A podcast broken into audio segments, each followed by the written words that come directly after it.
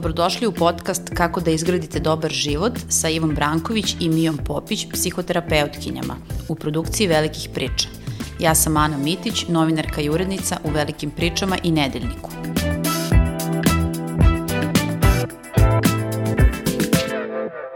Jednoj kratkoj anketi koju sam sprovela spremajući se za ovu epizodu podcasta, pitala sam nekoliko ljudi da li veruju da je moguće biti prijeti sa nekim sa kim si bio u vezi i većina je odmah rekla, ono što se kaže na prvu loptu, ne, nema šanse, međutim onda smo tu krenuli da polemišemo i kad su se malo zamislili rekli su da odgovor vratno zavisi od toga kakav je taj odnos bio, da li je bio površan, platonski ili imao recimo dramatičan raskid sa nekim jakim emocijama.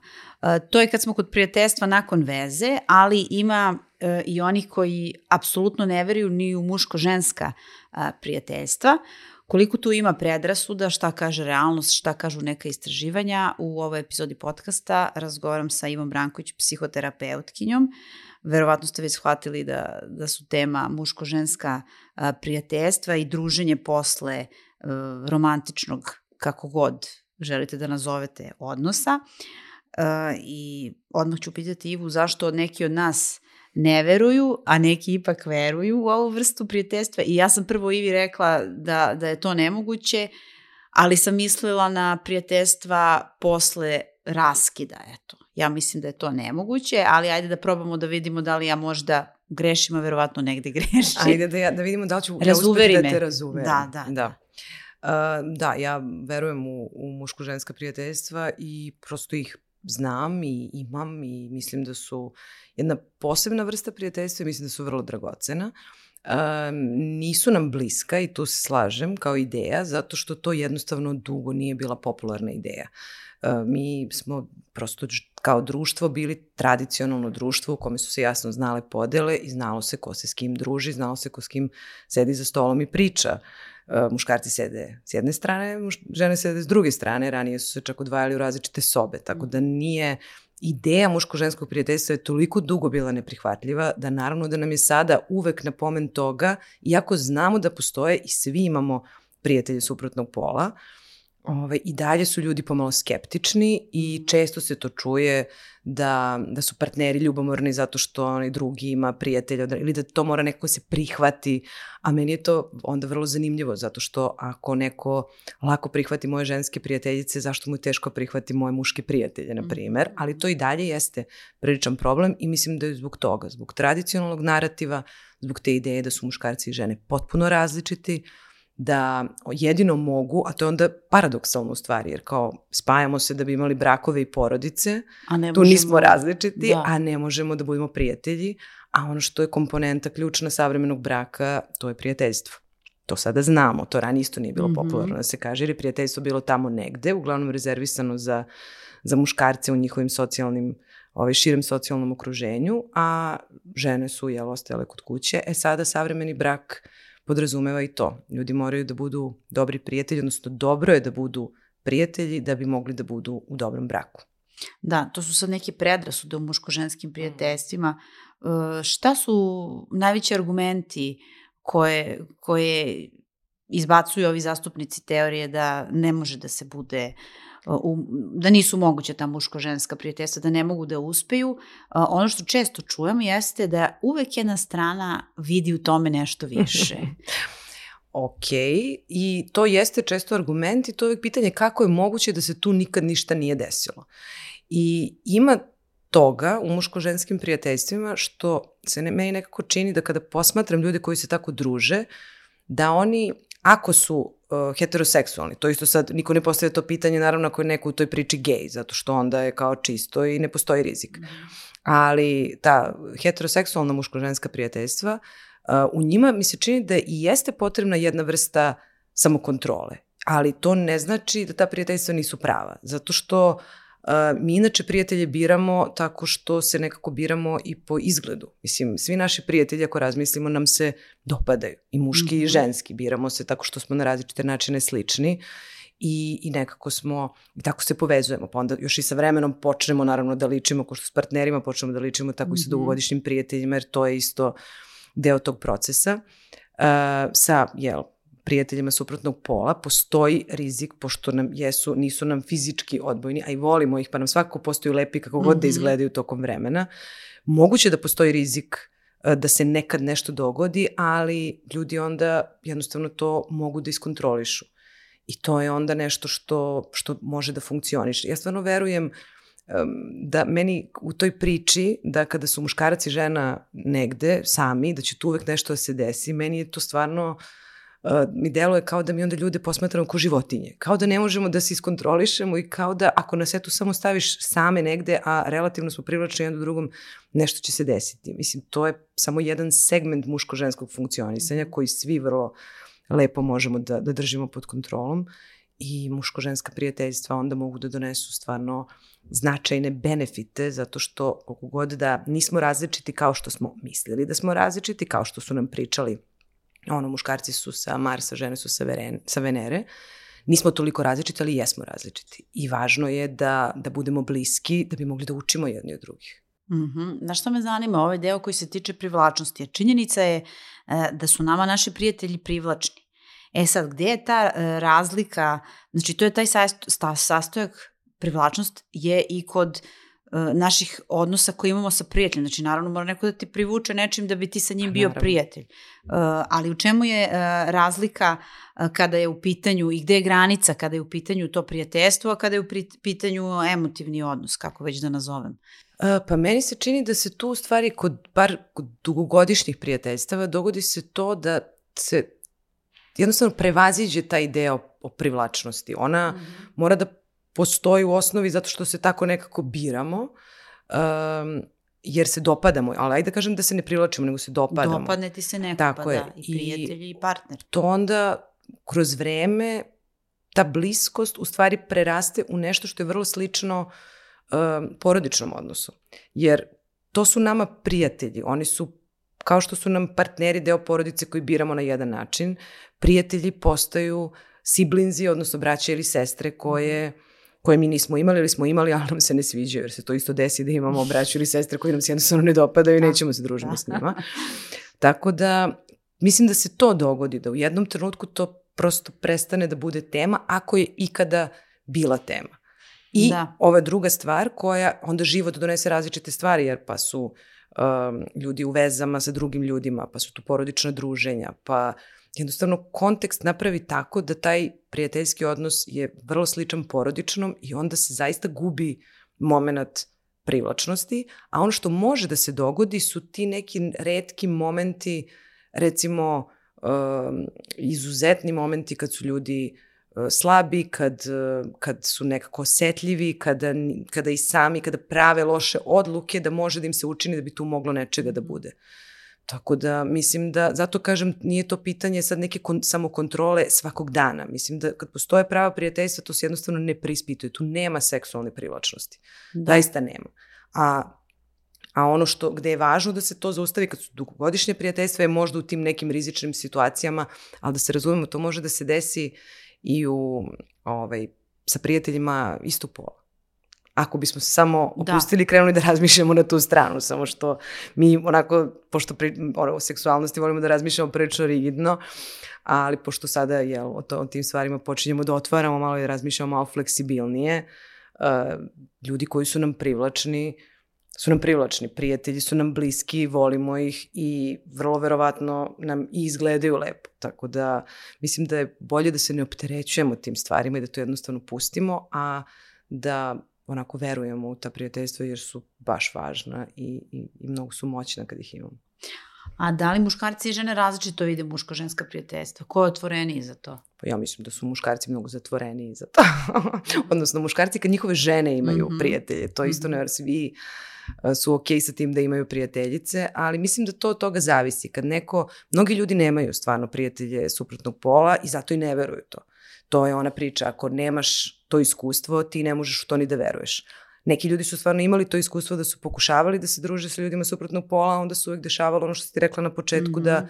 su se, da se neko tu zaljubio. Da. I okej, okay, to pa se stvarno dešava. ne veruju, da. I uh, nije to najbolji početak baš za, za prijateljstvo, da se neko nekog zaljubio pa da se onda to pretvorilo u prijateljstvo. Najbolji početak je da se niko nije zaljubio mm -hmm. i da mhm. krećemo bez, jel te, te seksualne tenzije i privlačnosti. Uh, Ali u zavisnosti od toga da li smo to imali, da, kako gledamo suprotni pol, da li stvarno ih gledamo samo kao uh, eto tako, potpuno drugačije sa kojima, a, s kojima opet treba da imamo romantičan odnos, znači opet podvlačim taj paradoks, ili se svi gledamo kao ljudi, onda u toj meri i, i možemo da, i koliko verujemo onda s druge strane suprotnom polu, zato što kada neko ne veruje uh, da može da postoji muško-žensko prijateljstvo, on u stvari ne veruje svom partneru.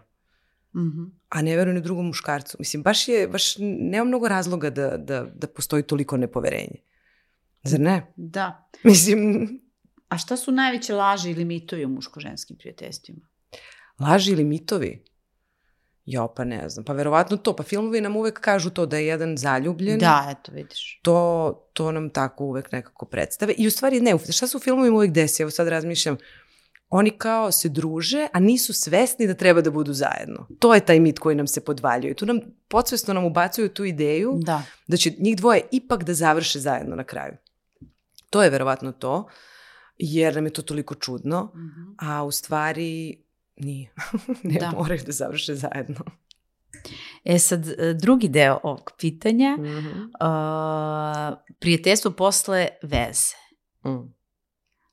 Da. To... Da li je to moguće, kada i kako je to moguće, ili nije nikako moguće? Evo, zašto bismo bili prijatelj s nekim ko je u vezi, recimo, bio onako prilično neprijateljski raspoložen Nije, prema nama.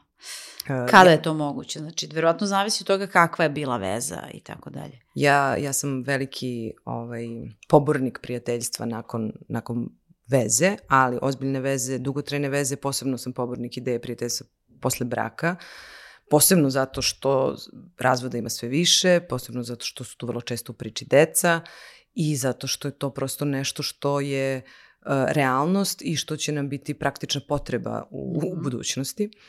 A, a ima veze sa tim kakva je veza bila, naravno, i ukoliko smo sa nekim nismo bili prijatelji ni dok smo bili u vezi, a to su sve one burne veze, -hmm. te takozvane toksične veze, veze u kojima je bilo mnogo svađa, u kojima je vjerojatno bilo mnogo strasti, ali nije bilo razumevanja, poštovanja, svih onih stvari koje zapravo čine prijateljstvo.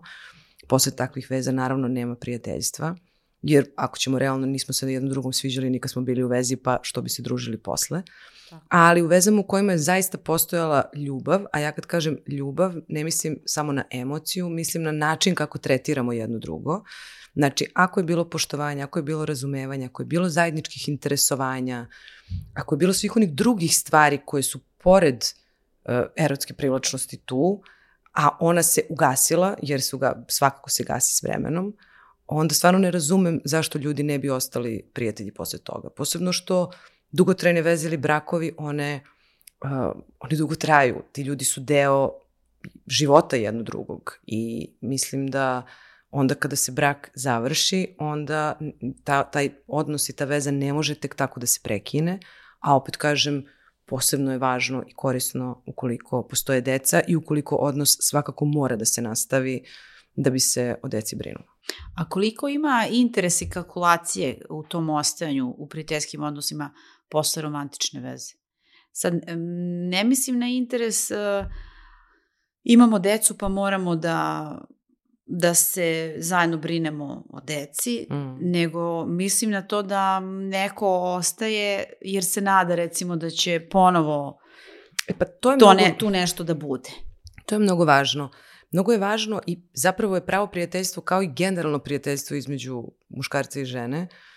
Uh, mnogo je važno da zaista nema aktivne uh, seksualne privlačnosti mm -hmm. i da i potrebe da se priča obnovi. A to je ponekad teško zato što ljudi uh, vrlo često iz veze ili iz braka ne izađu tako što su oboje uh, stigli do iste tačke, odnosno do razumevanja da to treba da se završi. A najčešće Neko još, nisu. Najčešće iste nisu. Tačke, da. I zato je to problem i zato mislim da isto ne može da se nastavi prijateljstvo odmah onog trenutka kada su se ljudi rastali, zato što je potrebno vreme i da se to odtuguje i da se reorganizuju, restrukturiraju i da, da obnove svoje uloge, da dožive sebe kao neke nove single ljude ili ljude u vezama sa drugim ljudima i da onda takvi se ponovo pogledaju i da možda nastave. Tako da mislim da, da je moguće, ali da, samo u toj situaciji kada je zaista čista priča, odnosno mm -hmm. kada nema očekivanja da će se to sve vratiti na staro, jer onda, mislim, to je s jedne strane manipulacija, s druge strane i mučenje za tu osobu koja se druži, a,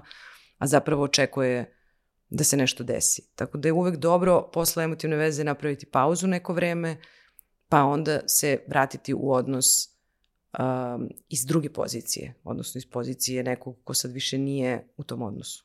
A kako da normalizujemo tu priču, to gledanje na ostajanje u nekom odnosu uh, i posle veze, ako, ako je to moguće, ako je dakle sve to bilo ok, jer meni se čini da većina ljudi to posmatra kao nešto što je nemoguće, da ne treba nastavljati, a jako je bitno, pogotovo posle braka sa nekim s kim si proveo 10 godina i bilo ti ok, pa imate decu, ti odnosi treba posle da budu, da budu negde normalni. Zašto ti ne bi ostao u nekom prijateljskom odnosu sa, sa tom osobom? Ako je moguće. Mislim da ljudi propuštaju priliku da ostanu u odnosu, uh, u prijateljskom odnosu sa tim uh, ljudima sa kojima su nekad bili u vezi uh, i da, da su na gubitku. Pa naravno, to i na većem gubitku nego što bi bili sam, time što su se samo rastali. To je ono što je tužno u da, celoj da. priči. Mi stalno kad pričamo o razvodu, mi pričamo o rasturanju porodice. I da, to se zapravo desi. Jedna osoba, jedna porodica se, se razdvoji, rascepi, kako god.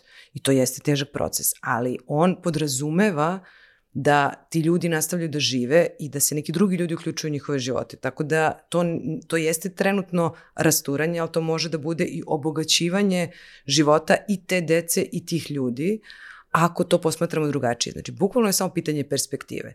Ja mislim da mi imamo problem što mi dalje uh, ljubav gledamo kao ljubav za ceo život i ekskluzivno na jedan potpuno ono detinjast način u smislu i dalje ono, ako, smo se, ako se volimo i ako smo zajedno, niko pre mene nije postojao i niko posle mene neće postojati. A mm -hmm. zapravo se sada i ljudi i upoznaju i sreću nakon što su imali neke veze ili imali neke brakove. Tako da primjena tog principa sreli smo se i samo smo mi jedno za drugo, to prosto više ne pije vodu. Tako da mislim da nas to čeka. E, mi smo se otvorili za, za razvod, odnosno za mogućnost da se ljubavi prekinu, ali nismo se otvorili za ideju šta ćemo posle i kako da se život nastavi na jedan bolji način.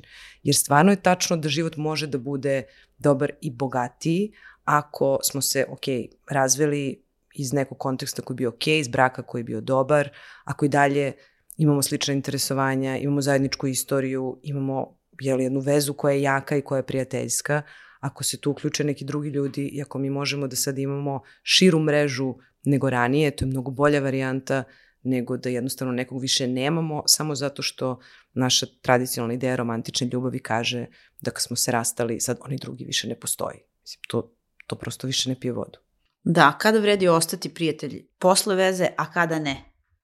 Evo da malo samo razjasnimo. Da razjasnimo. Na ne kraju. vredi onda kad je veza bila jako loša. Nijedan brak na kraju nije dobar, ali ako je veza u osnovi bila takva da je bila vrlo problematična, da je bilo mnogo svađa, da je bilo nerazumevanja, da, da nisu postojali, nisu postojala zajednička interesovanja, bilo vređenja, nije bilo poštovanja. Znači, to su te veze koje, iz kojih izlazimo iscrpljeni, iz kojih izlazimo tako što više ne podnosimo tu osobu sa kojom smo bili. Uh, to mož, mi možemo da se, i tu je važno napraviti razliku, zato što svaki brak se završava, jel, tako što smo negde nezadovoljni, mm -hmm ali dru, jedna stvar je nezadovoljstvo i želja da, se, da imamo nešto drugo i prestali smo da se volimo i nemamo više zajedničke ciljeve. To je jedna priča i to je dobar kraj. Loš kraj je ne možemo se smislimo, ne možemo se gledamo, prepucavamo se preko dece, manipulišemo, naravno loša priča je nasilje i ja, to, to, neću, to se mhm. podrazumeva da. da je to ekstrem, ali i sve ono gde smo zapravo shvatili, nekad se brakovi završavaju zato što smo shvatili da se ne dopadamo više jedni drugima i da se vrlo lako nismo ni dopadali u potpunosti jedni drugima. I to onda nije osnova za prijateljstvo.